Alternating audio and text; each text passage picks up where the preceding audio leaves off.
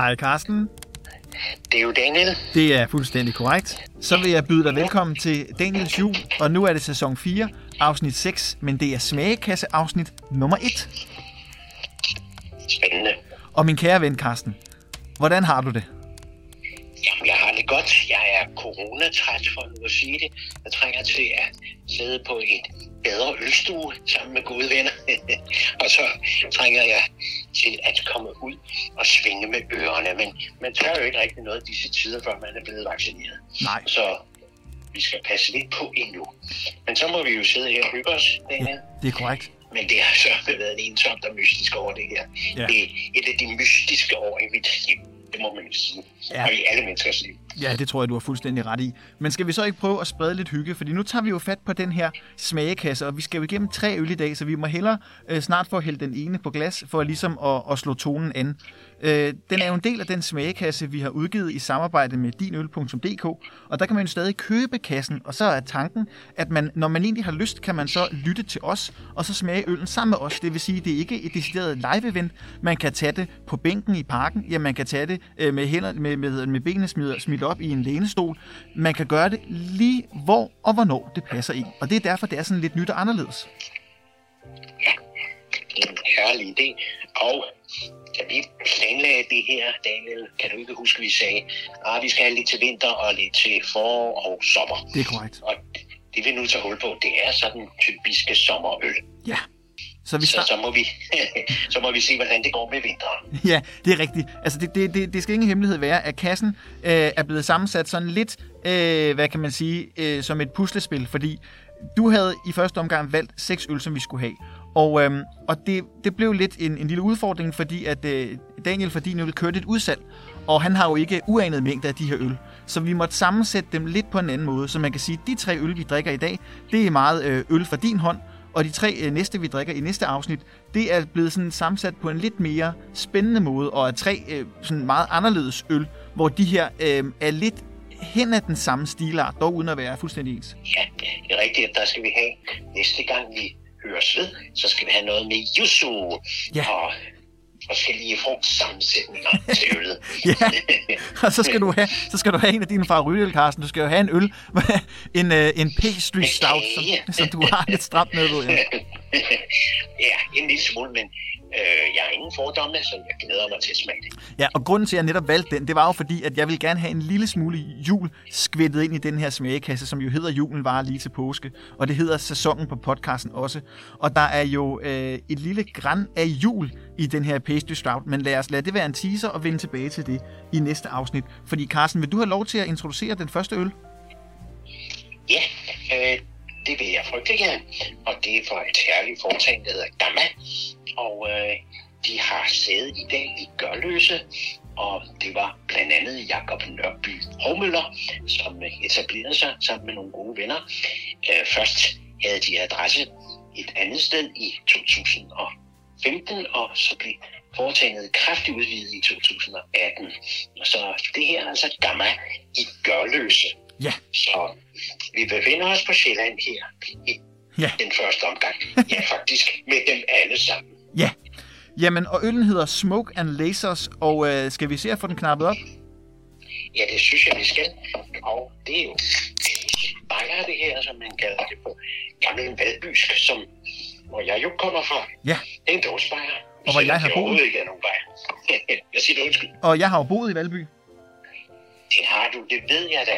For der mødtes vi op på hyldloftet der og lavede julekalender sammen. Ja, det var gjorde vi nemlig. mægtig hyggeligt. ja. Meget hyggeligt. Jamen, jeg var så født i, i Valby, Daniel. Det er du ikke, vel? Nej, jeg er født på Herlev Hospital øh, og er vokset op i, i den lille by Værløse, som er, den- hvad er den 20 km fra, fra Valby, vil jeg gætte på sådan cirka. Strålende. Lige ved lufthavnen. En luftbase eller Ja, flybase. Carsten, der var du hurtigere end mig. Den har jeg endda lavet en... Øh, jeg lavede som, som i gymnasiet lavede jeg en dokumentarfilm om selve lukningen af Værløse flyvestation, for den, den blev jo lidt en politisk ting, det her med at lukke den flyvestation. Og min kære far arbejdede der faktisk øh, igennem fe- 25 år øh, på den flyvestation. Ja, men det er, jo, det er jo spændende, så du har virkelig rødder der. Ja, og så lad mig, lad mig lige i forlængelse af det sende en lille hilsen til min far, fordi jeg ved nemlig, at han sidder også og smager med, og den her kasse er faktisk en fødselsdagsgave til ham. Så Det er måske Ej, en lille hilsen og en skål. Jamen, skål til fatter. Ja, skål. Og ja, så skal jeg da spørge, hvor søn, eller hvad hedder din far? Min far, han hedder Johnny. Glemrende. Vi skal hilse på Donny. Johnny, Ja, og det skal vi med det her dejlige gule væske. Og du har måske en lampe lige nærheden, så du kan se, det er altså øl med tydeligt svæv. Men Ja. der er meget smuk skum. Dejligt hvidt skum, som er ret holdbart. Så nu noterer jeg øllet rundt her. Jeg har så et glas på stilk, og nu kan jeg så lægge en håndflade over her. Jeg bliver ved med at rotere rundt, så slipper jeg. Og så har jeg en dejlig flavør, som man jo siger i en følelsesverden. Jeg siger ikke bouquet, som i vinens verden, men flavør. En dejlig næse har jeg her. ja. Jamen, øvelsen, kan du huske det, dagen, Den går også ud på, at ah, du havde en lille smule øh, fordom over for, for IPAs og uh, New England IPAs. Så, så nu skal vi prøve, om det her er noget for dig. Ja, for lige præcis. Jeg havde jo den her, jeg havde, gav jo lidt i dig den, øh, den udfordring at se, om du kunne lære mig at drikke det her øh, øl, som er IPAs, øh, som jo typisk er det lidt mere bitre øl. Øh, og det havde vi allerede øh, smagt lidt på i, i forrige afsnit af podcasten. Og, og nu vender vi så tilbage, og det er alle sammen IPAs, vi skal smage i dag. Det her, det er så øh, IPA af en, af en type, og den er på øh, 6,4 procent. Men jeg tænker, at øh, det øltekniske vil jeg lade være op til dig, Carsten. Jo, altså det er jo, det er jo det, vi så kalder New England IPA. Det er så en stil, som reformerede IPA, amerikansk IPA-verden på et tidspunkt. Og der skal vi så til et herligt sted, der ligger i Vermont, der hedder Alchemist. Og der var så en brygger der på en brewpub, John Kimmich. Han begyndte så at lave sådan noget toget øh, østkystøl i forhold til den klarede IPA, som er lavet på vestkysten. Ja. Så det er sådan her, kan man sige, og blevet meget populær. Det er virkelig en sommer øh, nydelsesdrik. Det er det, det går ud på. Og nu har du også meget frugt i næsen, ikke? Jo, jeg skulle lige til at spørge, når vi så dufter, Carsten, hvad får vi så af duft op i, øh, i næsen, hvis der er nogen, der sidder derude også og dufter med? Jamen, det er jo noget, der er fuldstændig forrygt i forbindelse med, med øl, og det er jo, kan du ikke fornemme noget ananas, nærmest lidt Jo, det er meget øh, frugtigt. fersken. Det er meget, meget frugt. Passionsfrugt næsten også, ikke? Jo, Og det er jo, det er jo simpelthen humlet sammensætningen, som er de her berømte amerikanske aromahumler, som man tilsætter, øh, især for det område, der hedder Yakima eller Yakima Valley. Og øh, der er vi oppe i noget, der hedder Washington State, altså ikke Washington D.C., der hvor hovedstaden er, men altså oppe nordpå, og øh, i nærheden af California, hvor de har de her smukke, smukke Sierra Nevada-bjerge, og så har de de her meget fornemme øh, marker, hvor vi så har humle, aromatiske humler. Jamen, skal vi ikke prøve at smage på det? jeg skulle lige til at sige det, Carsten. Skål! skål, skål. Cheers. Cheers!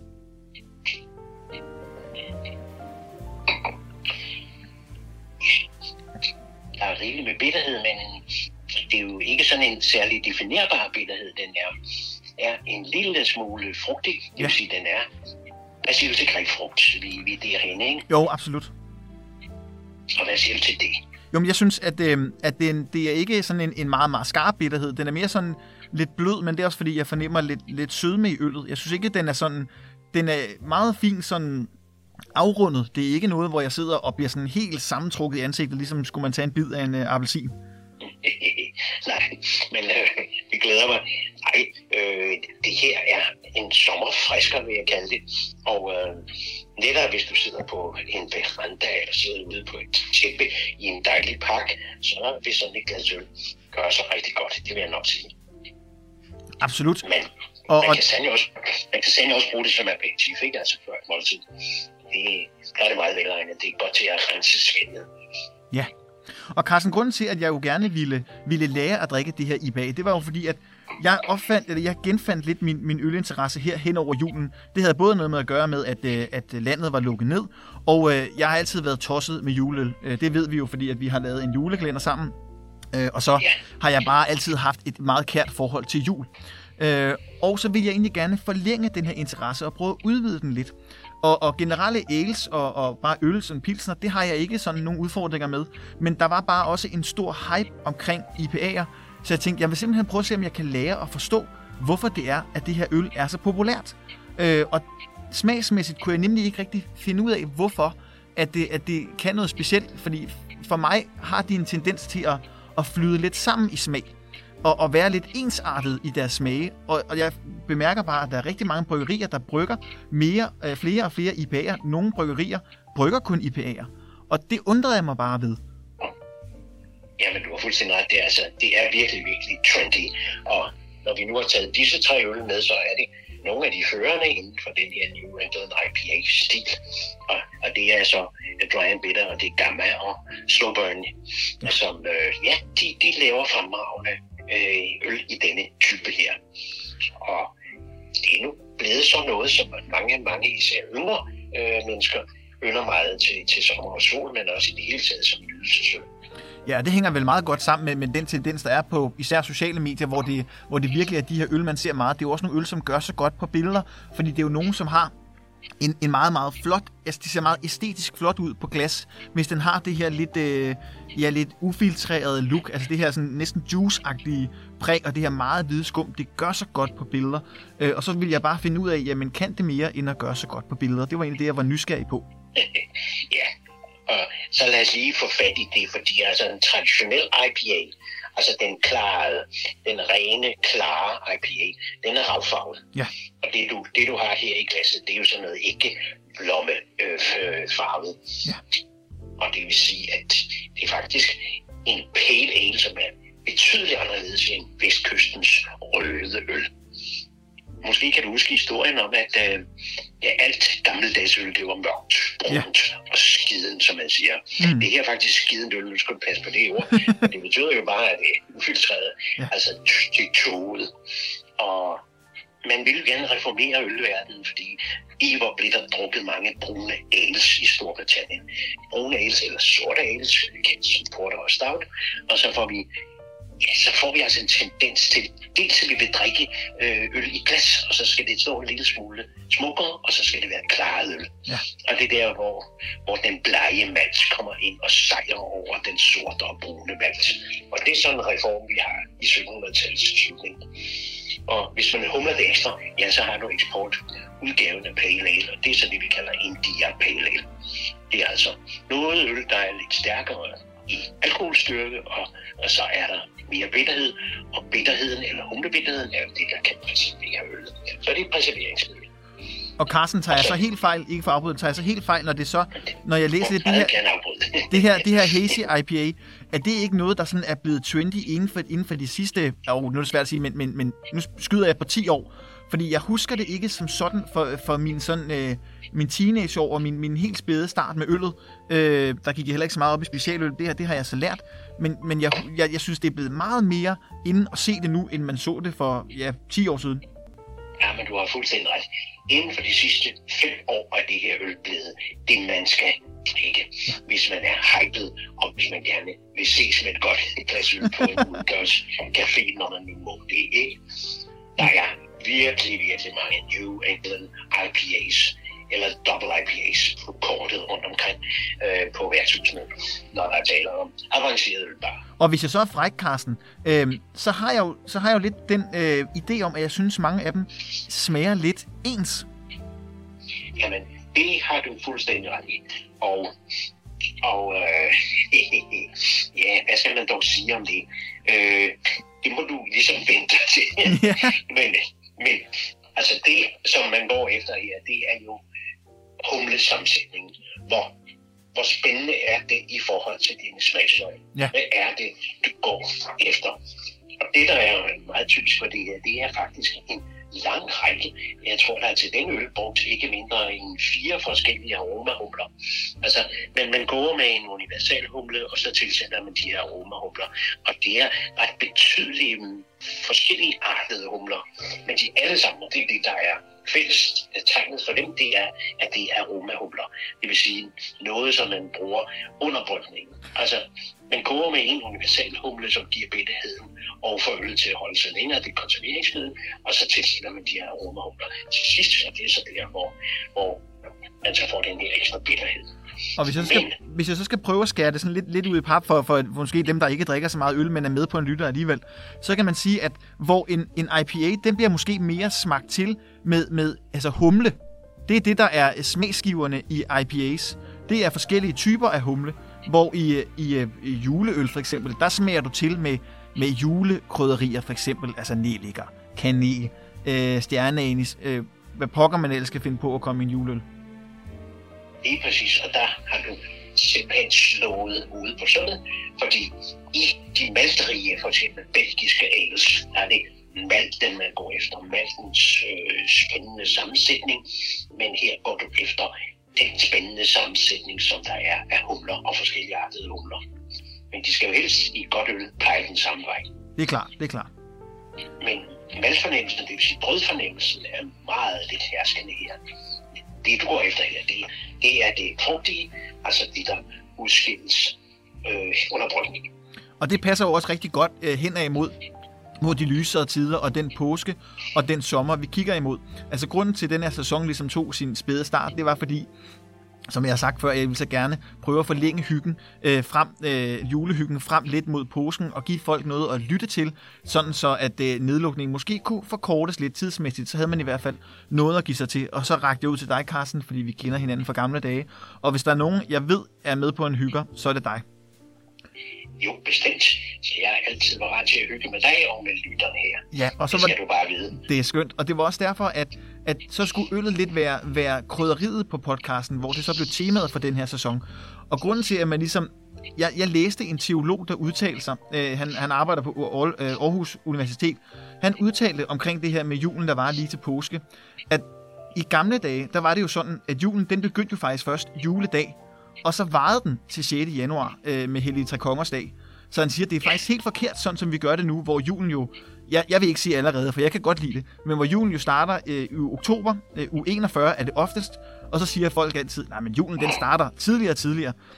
Og det gør den ikke. Altså, det, det er stort set altid den samme måned, og grunden til, at varerne kommer frem, det er fordi, at folk køber det. Øh, så... Det er rigtigt. Det er rigtigt. Men jeg er jo af den skole, hvor jeg mener, at julen skal vare mindst til den 6. januar og helst frem til, til påske. Og systemet var jo, at man, man bryggede øh, øl 8 uger før påske. Og der drak man aftenen før man lavede de her påskebryg, så drak man det sidste af juleølet, der stod i tønden. Og det er jo derfor, begrebet hedder sådan, julen var lige til påske. Ja, og så, øh, så synges der jo også i den her kæresang, som vi så godt kender, altså nu er det jul igen, der synger man jo, at ind imellem kommer fasten. Og det havde jeg faktisk lige en sjov beskrivelse af over for mine elever den anden dag. Jeg var både kristendomslærer og historielærer. Øh, Og 4. klasserne er jo kommet tilbage på skolen, så jeg har et par timer om ugen øh, på skolen med dem. Og det nyder jeg. Og der fik vi også snakket lidt om det her med øh, julen, der var lige til påske. Men den afbrydes af, af fasten. Ja, og man skal spæge sit skind, og det skal man, og det skulle man i den gamle kristendoms øh, ritualer, for man skal gøre spæge sit skind, som det så smukt, så man er virkelig parat til at modtage ånden. Og ånden, det er jo så i påsken, som jo er kristendoms fornemmeste højtid. Mange tror, det er julen. Ah, ah, det er så Kristi genopstandelse. Det er jo så den store fejring. Og Ja. det er så simpelthen, når lyset vender tilbage, og det er påskemorgen og genopstandelsen. Og så skal det være fest. Præcis. Og så drikker man påskebryg, og så har man en vidunderlig påskefrokost med sine venner. Og det var også derfor, at jeg tænkte, for at krydre øh, vores tilværelse lidt, øh, jeg vil jo ønske, at man kunne drikke juleøl rundt. Det, det kan man godt. Man kan jo godt købe dem nogle steder øh, på nettet. Men, men nu skulle vi ligesom finde nogle øl, som var lettere tilgængelige, som man så kunne drikke i den ventetid, der var frem til påske. Fordi nu kommer påskebryggerne så småt på markedet. Det skal vi nok også lige forvente, tænker jeg, i et, i et kommende afsnit. Men vi skulle ligesom finde nogle lidt vinterlige øl, og så nogle og sommerøl. Og det er dem, vi tager fat på i det her afsnit.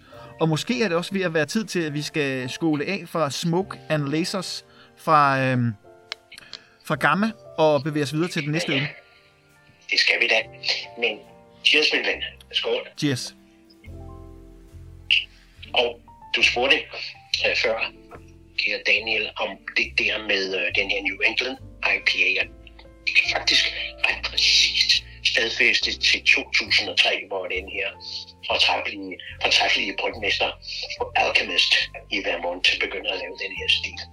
Og den øl, han introducerer, den hedder Heady Topper. Og det er en double IPA, men altså tåget. Ja, Og så nogle double IPAs, dem skal vi faktisk smage to af. Jamen, skal vi så ikke snuppe en dry and bitter? det synes jeg, Carsten. Dry and bitter, great gig in the sky. Og du fortalte os, Carsten, at det var en dobbelt IPA, og vi har jo lige drukket det, der bare hedder en, almindelig IPA. Og nu kommer det oplagte spørgsmål så. Hvad i alverden er en dobbelt IPA så? ja, men der har vi jo forskellige begreber inden for ølsverdenen, og i disse tider er en begreb som imperial, øh, det er blevet meget, meget kendt og elsket. Det vil sige, at der er ekstra meget krudt i, og det er det samme, der er gældende for en dobbelt IPA. Det vil sige, at en normal IPA, den kan ligge på de 5-6 procent. Men hvis vi har mere malt at gøre godt med, og har mere sukker, der kan forkæres til alkohol, ja, så er der altså dobbelt op. Så skal vi sige, fire for en almindelig bajer, havde jeg sagt, og så otte for en ekstra en med 12 på. Og det er så de to, vi skal smage her. Men jeg foreslår altså, at vi tager Great Kick in the Sky. Og der er jeg helt enig, Carsten, og jeg er vild med, med, med logoet. Det er jo næsten sådan helt, det er jo næsten helt, øh, ja, hvad kan man sige, reflekterende i lyset. Ja, det er nogle virkelig imponerende dåser, og, og lad os slå fast i de her moderne bryghuse, som laver de her double IPAs og New England IPAs, de er de gør sig i smukke dåser. Det er altså metal og farvel til de gammeldags flasker. Øh, det kan man roligt sige her i den her forbindelse. Øh, det er dåseøl. Ja, og jeg vil lige melde på banen, inden du kan få lov til at introducere øllet ordentligt. Fordi igen, så kan vi jo sige, at det her det er jo så også en øl, der kommer fra vores lille smagekasse. Og for lige at bringe en lille øh, lige information på banen, så er det jo selvfølgelig en, øh, en reklame for din øl, men det er ikke som sådan noget, vi har lavet en, en stor aftale med, at vi får en masse øh, penge for at reklamere for, for det gør vi ikke. Vi er blevet bedt om at vælge nogle øl, og så smager vi ølene sammen med jer. Så vi har sådan set bare fået ølene, og så drikker vi dem sammen med jer. Altså det var lidt det samme princip, jeg lavede dengang, jeg lavede øljuleklænder. Det er bare nogle øl, der skal til, og så kan vi snakke lidt om det. Så det er jo meget sådan veldedigt, kan man sige. Det er jo ikke, fordi vi sidder her, fordi at... Øh, at det skal handle om, om en masse andre ting. Det skal sådan set bare handle om det gode øl. Det, det kan ikke være bedre. Så nu har jeg hældt op. Ja. Endnu et glas på stilk, for det kan jeg så godt lide. Jeg kan slynge øl rundt her. Jeg kan lægge en håndflade på, fjerne den håndflade, og så får jeg en fin aroma i næsen. Og nu er det en lille smule tørrere aroma, kan du sikkert fornemme. Ja. End, end det, der var før. Der var en lidt mere sødmefyldt næse, og nu er den meget tør. Ja og jeg hælder lige en smule mere op, for jeg skal lige se skønheden i øllet, og det er faktisk en rigtig smule. Men vi er altså er ikke blomme, eller ikke, ikke mild, men det er altså ikke, hvad jeg i de gode gamle dage forstod ved en pale ale. Nej. Som jeg, det her er citron og så er det noget juicy lucy, kan man roligt sige. Præcis. Men skal ikke smage på det? Lad os det, Carsten. Altså en double IPA, Great Gig in the Sky på 8,5 procent. Cheers. Cheers.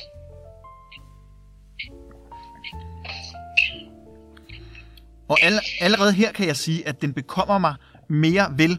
Øh, og jeg har det også lidt rarere med dobbelt IPAs, fordi det er ligesom om, at den her lidt højere alkoholprocent gør, at øllet er en kende mere sødt. Og så er vi ved at være over i min boldgade.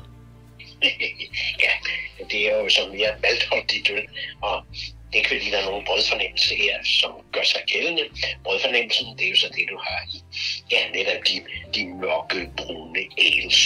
Det kan jo smage ligesom pumpernikkel eller som kvalificeret sødt øh, rugbrød. Men den fornemmelse er overhovedet ikke på nogen måde her. Det er, er tørt og meget frugtigt. Og Carsten, nu kommer øllen jo fra, fra det, øh, det bryggeri, der hedder Dry and Bitter. Og dem kender du sikkert også lidt til, kunne jeg forestille mig. Ja, det gør jeg. Det er to meget herlige mænd, Søren Parker Wagner og Jay Pollard.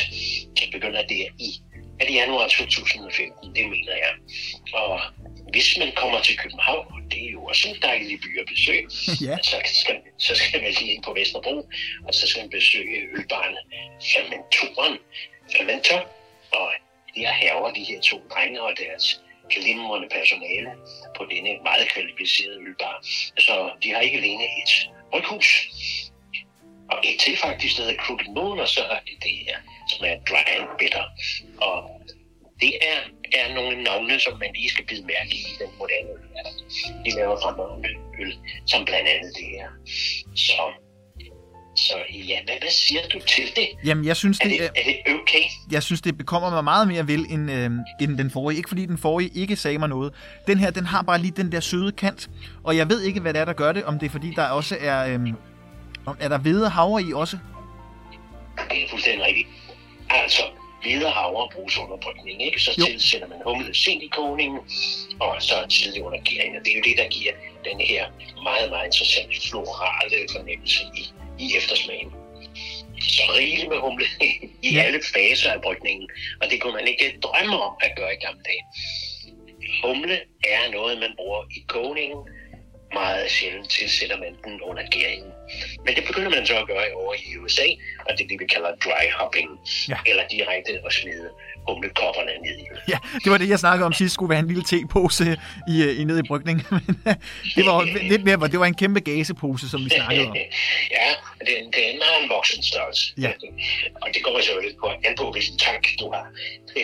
Men de kan være ret voldsomme, Ja. når der er tale om mange liter øl, der skal brygges og gæres. Men jeg synes, det er en, en dejlig øl. Jeg synes også, det er lidt en, en festøl, fordi den har lige det der lidt mere søde, og så har den den der lidt højere procenter.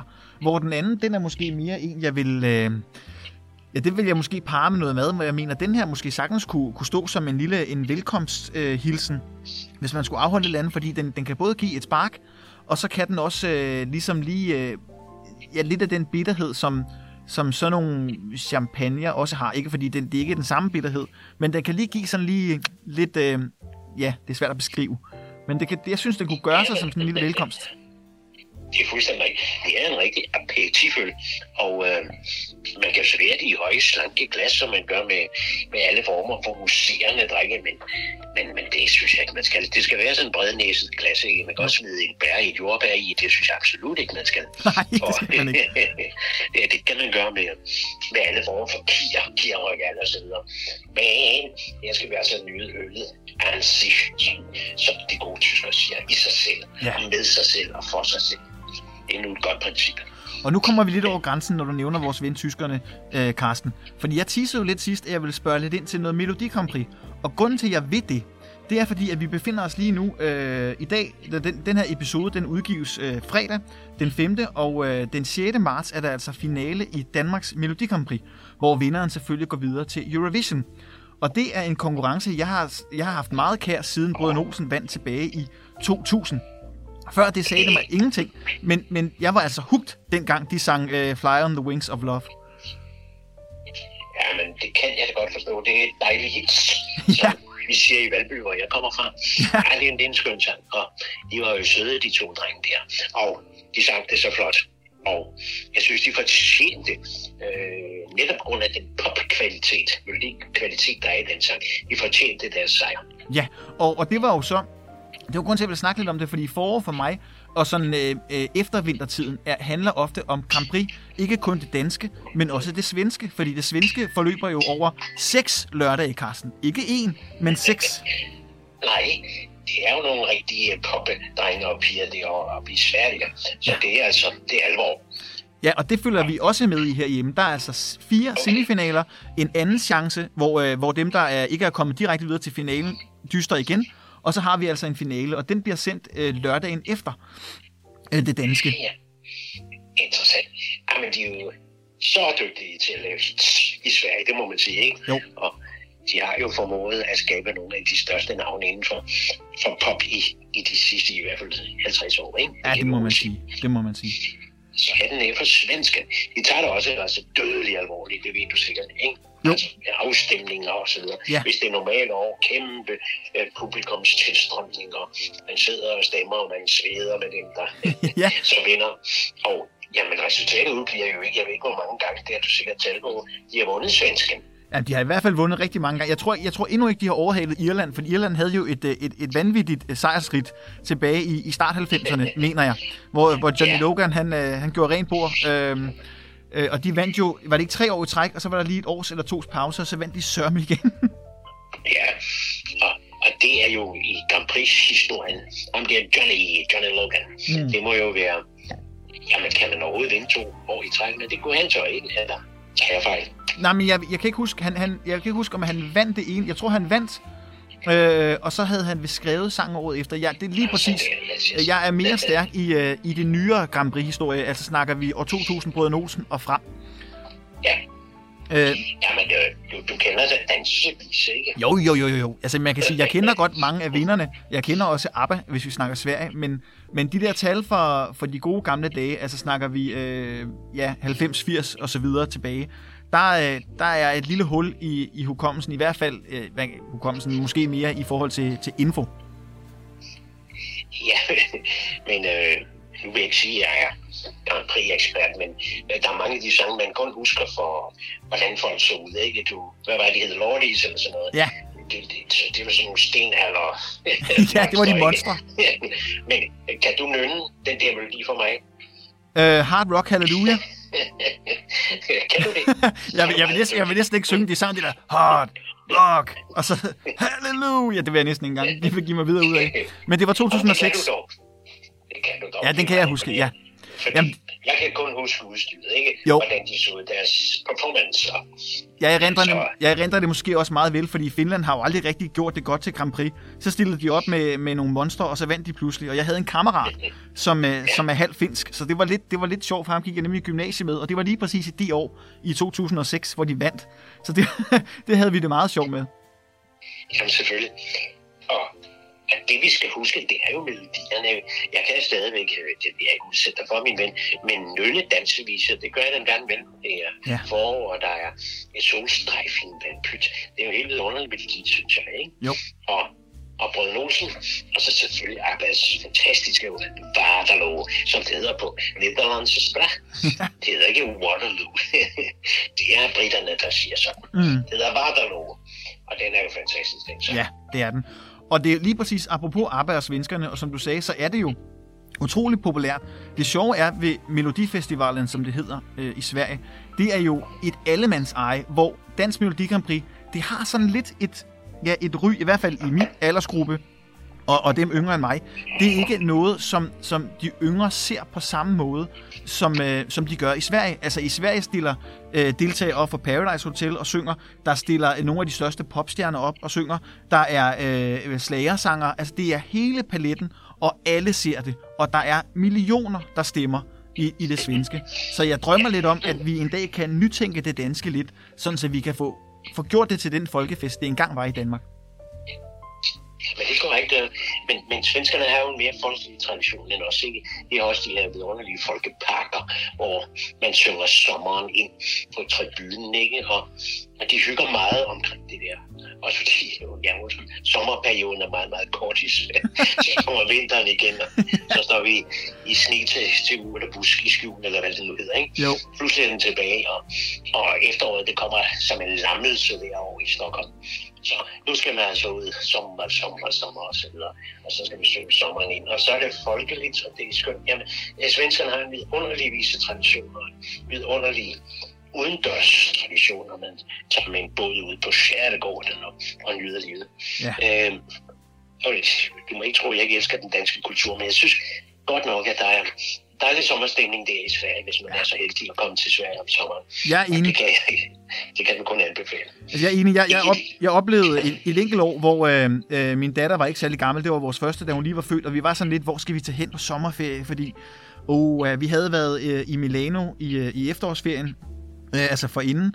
Øh, der var hun ikke særlig gammel, havde ude at flyve, så vi havde ligesom været det varme sted, og hun tænkte, hun var ikke så gammel.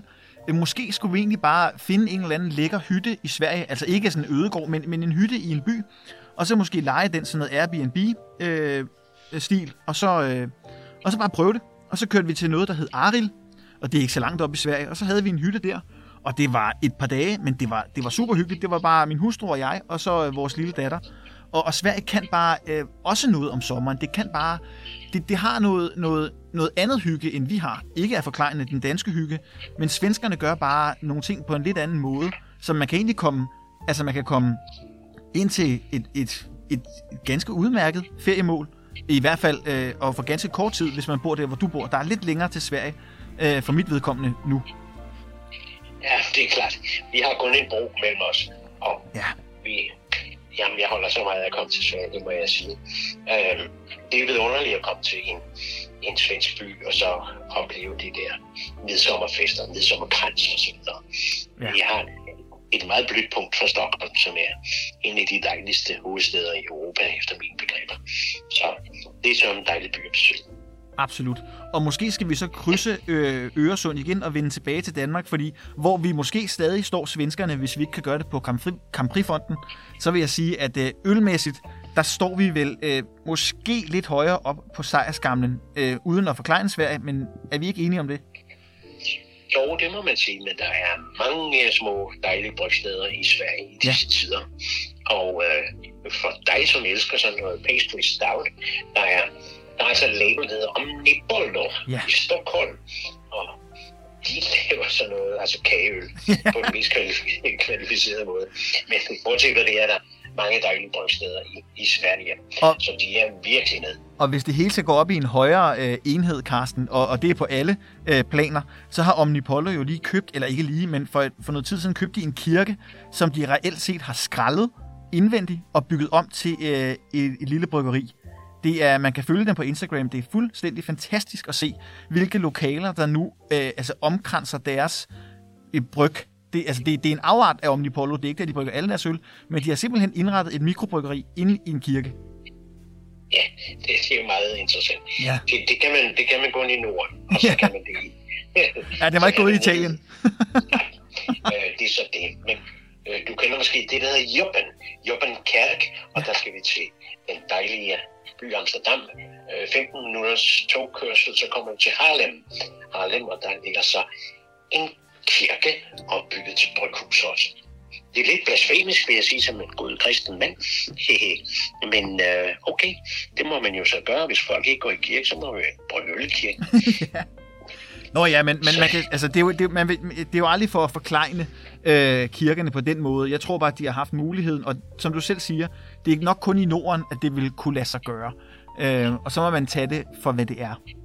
Ja, for man skal jo ind og afkrigsne stedet, og det er jo en svær ting.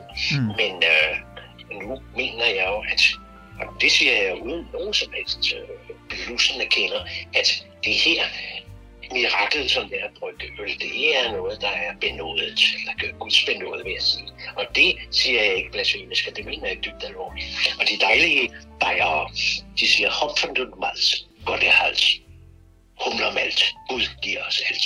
Der er naturen, og øl har sit udspring i naturen. Jamen tænk på det der med gær. Ja. Det er altså noget, der er beåndet. Og det er det. Og i gamle dage vidste man, man vidste jo ikke, hvad det var, den der sakromyses.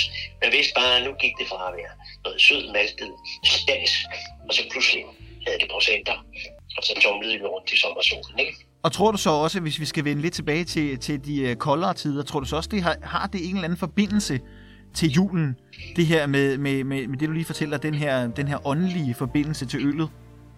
Jamen 100 procent.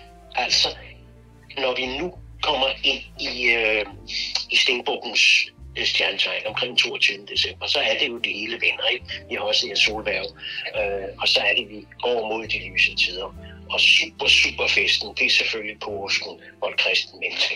Men vi må ikke glemme pinsen. Og pinsen, det var jo der, hvor man fejrede solen, der hvor solen er i senit. Og der var en lang række hedenske solfester, som vi jo så overtager med, med den kristne pinse.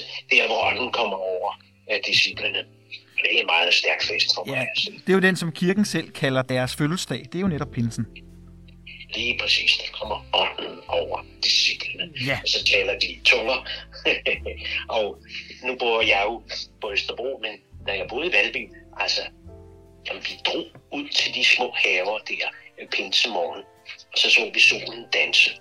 Og ja, der ligger jo altså et kvarter der, der hedder Solbakken. Og man mener simpelthen, at vores forfædre og formødre 100, ja, 1000 år tilbage, de fejrede simpelthen pinsen. Lysets tilbagevenden på fuld kraft.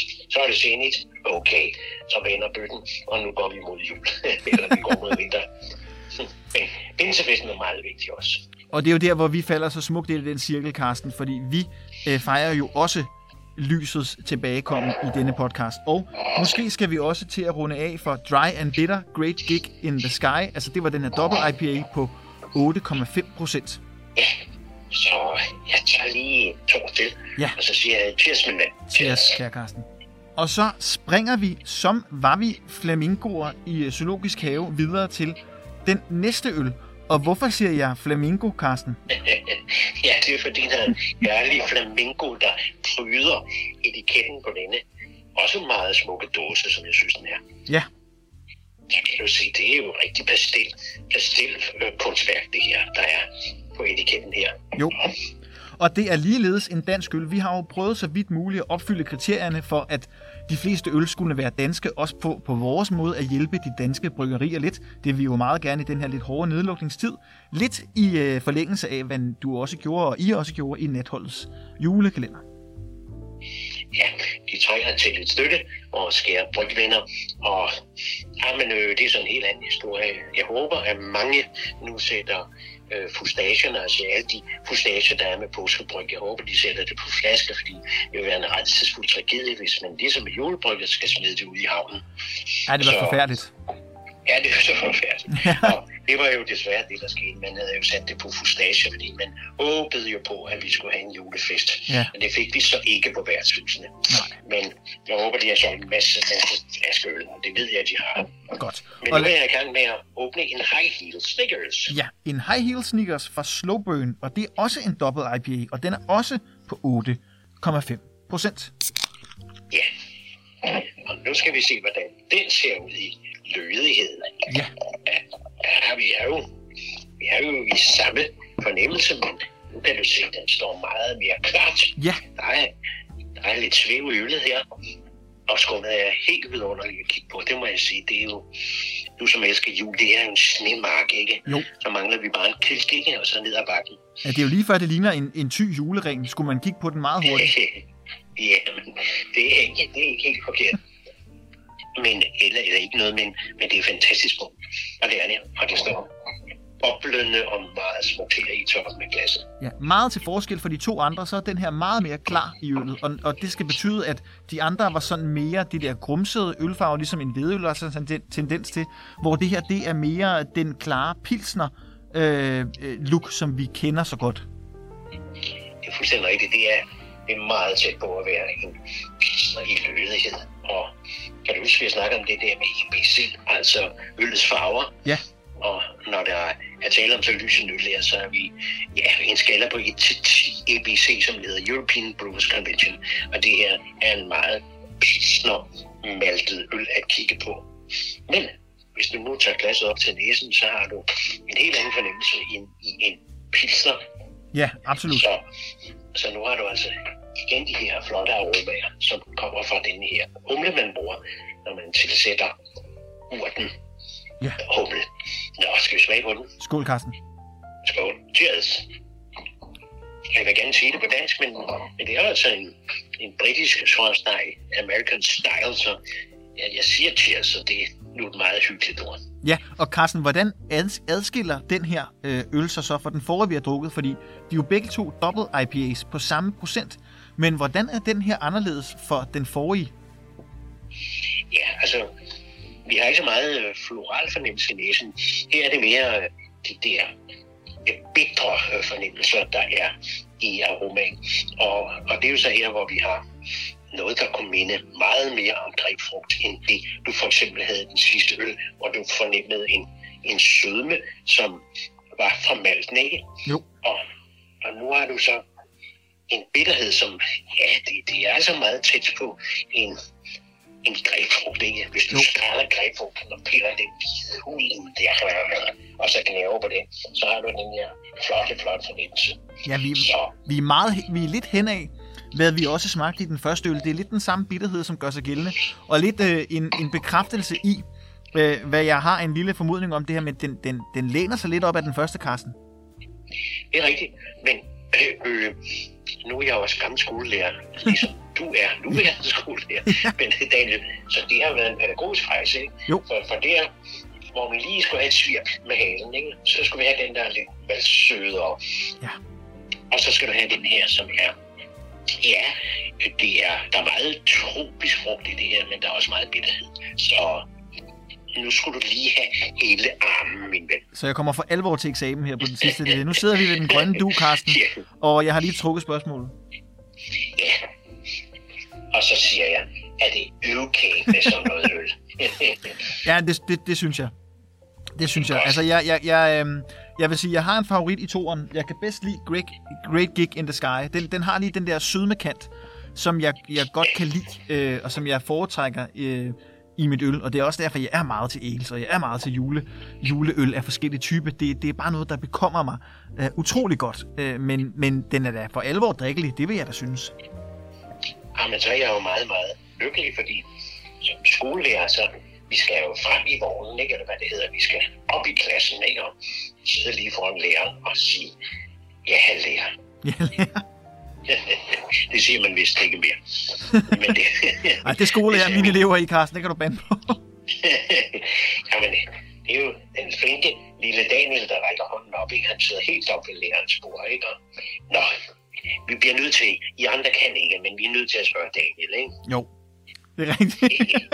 ah, sådan har det nok. Jeg har nok, jeg har nok mere været, været spasmageren, øh, som, som lavede lidt, lidt fis og ballade. Jeg har aldrig været... Øh, jeg har aldrig været en ubehagelig type, men jeg har nok bare altid været den, som havde behov for, for at snakke lidt og lave lidt skæg. Det er fint, det skal man også. Vi skal have en, ikke en klovn i klassen, men vi skal have det mundre indslag. Ellers er det alt for trist. Og hvad var du, Karsten? Ah, ej, hvad så nok en lille duksedreng, øh, tror jeg nok. og Nej, nu skal jeg jo være helt ærlig. Nej, jeg var ikke uartig. Det var jeg bestemt ikke. Jeg var, jeg var nok lidt farlig, når jeg synes. Så kom jeg i gymnasiet, og så, så var jeg mere fanden i voldsk, og så fik vi trompetbukser og langt hår, ikke? Og, og så, så skulle vi lytte til The Doors og så videre, ikke? Og, og så, så gik den galt, ikke? Men, men øh, jeg lærte meget. Jeg lærte meget undervejs, så jeg er mine skolelærer dybt taknemmelig for det, de har gjort. Ja. Der var nogle banditter, det ved du. ja. Og så var der nogen, der var så søde og pædagogiske på den fede måde. Ja. Det er det, det, er det jeg, det, jeg tror, det er det, jeg sigter efter. Altså, jeg prøver altid at, og i hvert fald at, at ligesom prøve at, at tale på elevernes øh, øh, niveau, kan man sige. Altså bare være, være med dem, og så prøve at snakke, snakke med dem, i stedet for at snakke til dem, hvis, hvis det giver mening på en måde. Og det er jo sådan en, en politiker skal være, ikke? Ikke tage ned til os, men tale som om vi er lige mænd og lige kvinder. Ja. ja det er nogle meget gode ting. Og Carsten, nu kommer vi til et af de segmenter, som du har efterspurgt lidt. Du har godt tænkt dig et lille spørgsmål, og der er kommet et par stykker ind, men vi kan nok ikke nå så forfærdeligt mange. Men The Danish Beer Blogger, han har spurgt dig øh, om, hvilke rammer der skal til for at give Carsten den bedste øloplevelse. Og så har han skrevet, at det kan både være festival eller frokost, eller jeg tror bare, han generelt mener, hvad skal til for, at du får en virkelig god øloplevelse? Nå, det var da et dejligt spørgsmål. Men det, er jo meget friet sådan et spørgsmål. Ja. Det, det, det har mange sammenhæng. Øh, Altså, jeg kan virkelig, virkelig godt lide at komme øh, på et, et godt ølsted i København. og nævner jeg det, der hedder Tap House, hvor de har 61 haner. Og når jeg sidder oppe ved baren der, enten med mig selv eller nede ved et bord med kære venner, så er det jo, at vi afprøver forskellige ting. Man kan også købe sådan en, en smagsprøve række der. Det, det har jeg det rigtig godt med. Men jeg kan også rigtig godt lide at sidde på en bodega og få et godt glas fadøl og især når det er en bodega, hvor, hvor de også prøver at eksperimentere lidt med, med øllet. Og det der med det friske fadøl. Og det der er, det er jo, at man altid kommer i, i snak med nogle mennesker. Og det er jo en vidunderlig ting. Og det kan man næsten ikke undgå, hvis man sidder der og ser en lille smule glad ud, og ikke har, jamen, ikke har foldet arme, du ved, og udstråler en eller anden form for, jeg er mig selv nok. Ja. Hvis man prøver at udstråle noget, der Øh, jeg er ikke nogen ondsindet fremmed. Jeg, jeg er receptiv, jeg vil gerne modtage verden. Sådan så det er. Men det skal ikke være nogen hemmelighed, og, og jeg glæder mig både til bodegaen, jeg glæder mig til det avancerede ølsted i København og omegn, og så glæder jeg mig selvfølgelig også til en dansk frokost med prakkuløse. Men ikke nogen hemmelighed af, jeg holder meget af de, de belgiske estaminé, som det hedder. Så der kommer man sandelig også i snak med folk. Ja. Og mit yndlingssted af alle ølsteder på denne jord, det er Arsenal i Antwerpen. Og hvis jeg er så heldig at komme til at sidde oppe ved baren, det er meget sjældent, man kan komme til det, fordi der er altid en kødrand. Men i hvor kommer man i tale med dels en dejlig, dejlig bartender, men så også en masse mennesker omkring, og de spørger, hvor kommer du fra, siden du kan drikke så meget øl. Jeg kommer fra Danmark. og så siger de selvfølgelig. For vi er kendt ude i den store verden som øh, kvalificerede uldstrikker, ja. det kan jeg godt sige. Jamen, det er godt, det er en god måde at sige det på. det er også oplevet i Bayern. Ja. Hvor, hvor man selvfølgelig lige streger på et kort. Og i Tjekkiet også, vil jeg sige, når man så har drukket 10 liter øl, ikke? Jo. Og så spørger de, hvor i alverden kommer du fra? det, det, det er meget stolt af. Ja. Og, men jeg, jeg, jeg vil også sige, uden at være patriot, jeg er også stolt af at være dansk. Øh, Det. Det, det, ja, og jeg kan ikke begrunde det sådan så meget. Bare udover, at det, det, er bare, det er bare dejligt at være dansker, kan man sige. Ja, så må jeg sige det. Vi har jo heller ikke været nogen aggressiv nation i mange, mange år siden vikingerne, ikke? Hvor Jo, må, måske hervede lidt over i Storbritannien. Ja. Men alligevel elsker de os i Storbritannien. og de er ved at græde, når der kommer danskere ind. Eller det har jeg oplevet på nogle popper.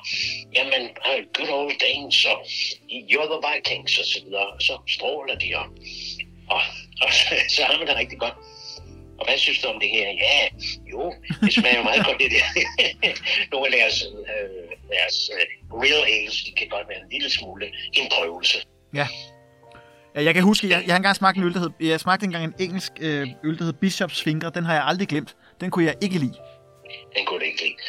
Jamen, det kan være efter den her prøve, at, at den er relativt sådan lidt metallisk i sin bitterhed. Ja. Men det kan godt være, at du efter den her øvelse, vi har haft i dag, mm. øh, synes bedre om det. Ja, og det er jo så også en øvelse, vi kan, vi kan sprede ud til folk, som lytter med og sige, det er måske måden at, at lære at drikke det, det lidt mere bitre, og lære ligesom at, at trives med det. Men Carsten, så kommer der så et spørgsmål for mig, fordi, og, og nu, nu bliver det sat på spidsen, og hvis du gerne vil forholde dig neutralt, så er det i orden.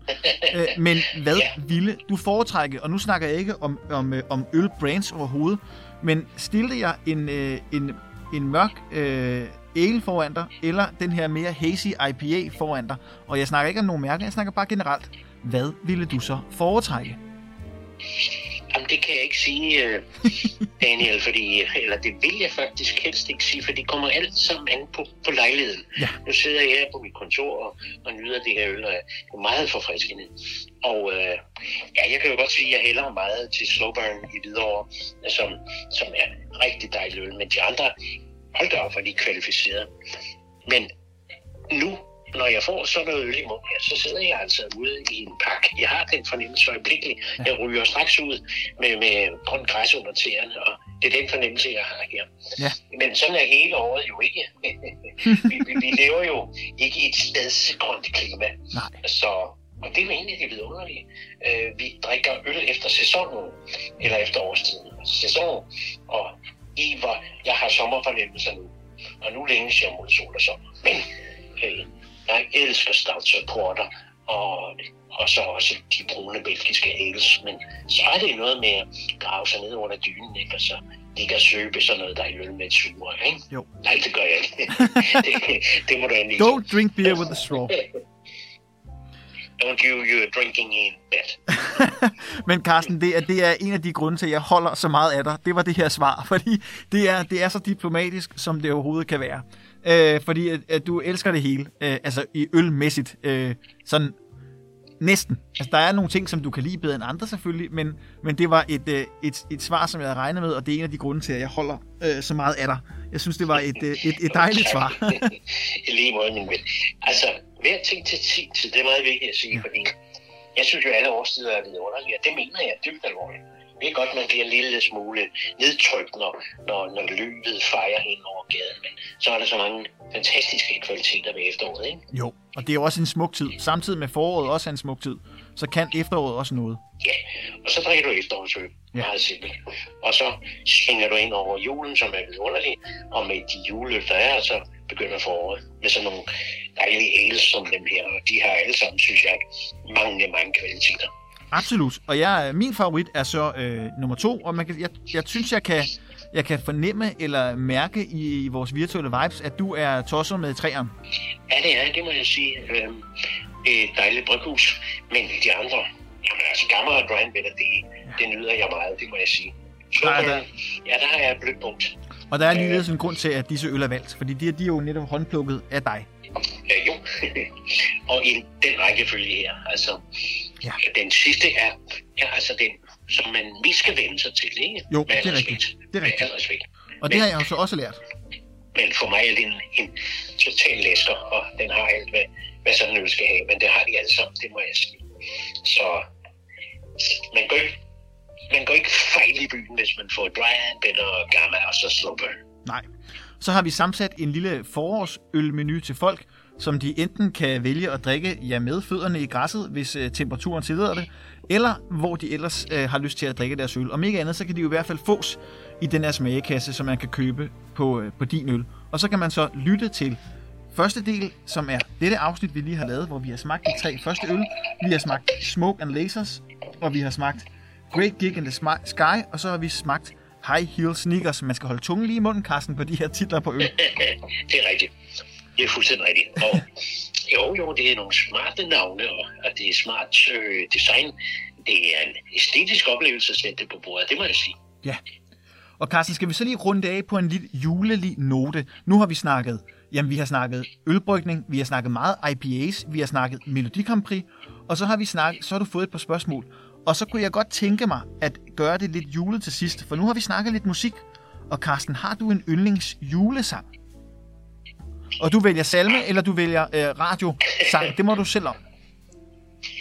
Altså, øh, altså for mig indbegrebet af, af jul, når det er sådan lidt New Yorker og sentimentalt, ikke? så er det jo selvfølgelig White Christmas. Oh, og det skal være med Bing, min gamle ven. Selvfølgelig. Men, men så, så er der nogle af de der helt vidunderlige carols, som jeg holder så meget af. Og øh, nu skal jeg lige passe på, om jeg kan huske nogle af dem, men uh, Hark the, Hark the hey, Harold Angel Sings. Nu skal jeg passe på, ja. Hark the Harold Angel Sings, eller hvad det nu er. Ja. Der tog mig på sig. Nå, men nej, men det var ikke, det var bare, altså White Christmas er nej, et, men, et formidabelt bud. Det er også den her vidunderlige, øh, øh, øh, øh, hvad hedder det, den elsker jeg. Og så skal jeg jo at overhøre Bachs juleoratorium på fuld hammer. Nå, Det er fantastisk. Det er noget af det dejligste musik og mest øh, åbenbarende musik, der findes på den jord. og der kan man... Ej, Johann Sebastian. Ja, men du er, du, du er jo en, en fejnsmækker, Carsten. Det her, hvor jeg er hjemme, øh, og i den lidt yngre generation, og øh, Melodi Grand Prix generation, vi, vi, øh, mens vi danser rundt om træet, så har den gode gamle Anders Fransen faktisk lavet en, øh, ja, en, en indspilning en gang med otte af de sange, man synger, når man går rundt om juletræet. Og øh, øh, den kære Anders Fransen, som desværre er gået bort jo, han sang jo i Melodi Grand Ja, lige der, hvor hjertet slår. Ja, og den var faktisk det er en meget overset sang. Jeg synes, den var den havde virkelig popkvaliteter. Enig. Jeg er fuldstændig, jeg elsker også det nummer. Men, men han har også udgivet et, et julenummer, som, et, jule, et julealbum, som faktisk ligger øh, på Spotify. Vi har det på kassettebånd. det er sådan en god... Øh, ja, og det, og det hører vi faktisk, når vi danser rundt om træet. Og det er noget, jeg har arvet fra min, fra min hustru, for de hørte de altid. Fordi så har man ligesom en til at slå tonen an, hvis man ikke lige selv øh, øh, kan finde den, eller besidder den, eller hvad der nu ellers skal være udfordringer. Men det vil sige, I, I stemmer I selv, ikke? Eller I synger sammen med Anders. Jo, det gør vi. Vi synger sammen med Åh, Anders er Fransen, men, øh, men øh, han slår bare tonen an. Og så har man også, så kan man heller ikke diskutere, hvor mange vers skal vi synge. Man skal heller ikke vælge sangene. Vi har en playlist på syv sange, og nogle af, af, af de lange sange er kortet ned. Og så kører det bare. Ja, og Eva, jeg håber, vi får lov til at synge rundt om træet. Der blev jo indstillet til, at man sad ned og gik tidligt i seng, ikke? Jo. Ja. det gjorde vi ikke. Det, rent. du må ikke tro andet, end jeg holder meget af Søren Brostrøm. Men øh, det er måske et af de mest elendige råd, jeg har hørt i mange år. Ja, og det, og det, og det forstår jeg. Vi, øh, vi har jo også vi har jo både en på to, og vi har en på fire herhjemme, øh, vores børn. Så der, der, dem kan man ikke fortælle, at de skal sætte sig i en sofa. Så vi fik sunget øh, Nu er det jul igen rundt omkring i hele hytten, og det var en formidabel aften, juleaften, det var det. Det kan jeg godt forstå, og det kan jeg høre og se for mig. Ja, Men, men jeg kan godt forstå, men, men det var også derfor, vi måtte ikke være mere end de her få, få, få mennesker sammen. nej. Og det var vi jo så også i, i vort hjem. Ja, så lad os håbe, at vi øh, skuer mod lysere tider, skuer mod større fester, forårets komme, festivaler og barerne åbner, men vi skal nok også til at runde af for denne gang. Nu har vi smagt de tre øl, vi har guidet folk igennem den, vi har fortalt folk, hvor de kan købe kassen, og så ved jeg ikke, om der skal siges et par afrundende ord, Carsten. Hvad tænker du om de her tre øl, hvis vi skal skære dem over en kamp, selvom det kan være svært? Øh, fælles øh, tegnet her er altså New England Style IPA og 100% sommerøl og til, til skæg og ballade til sommer.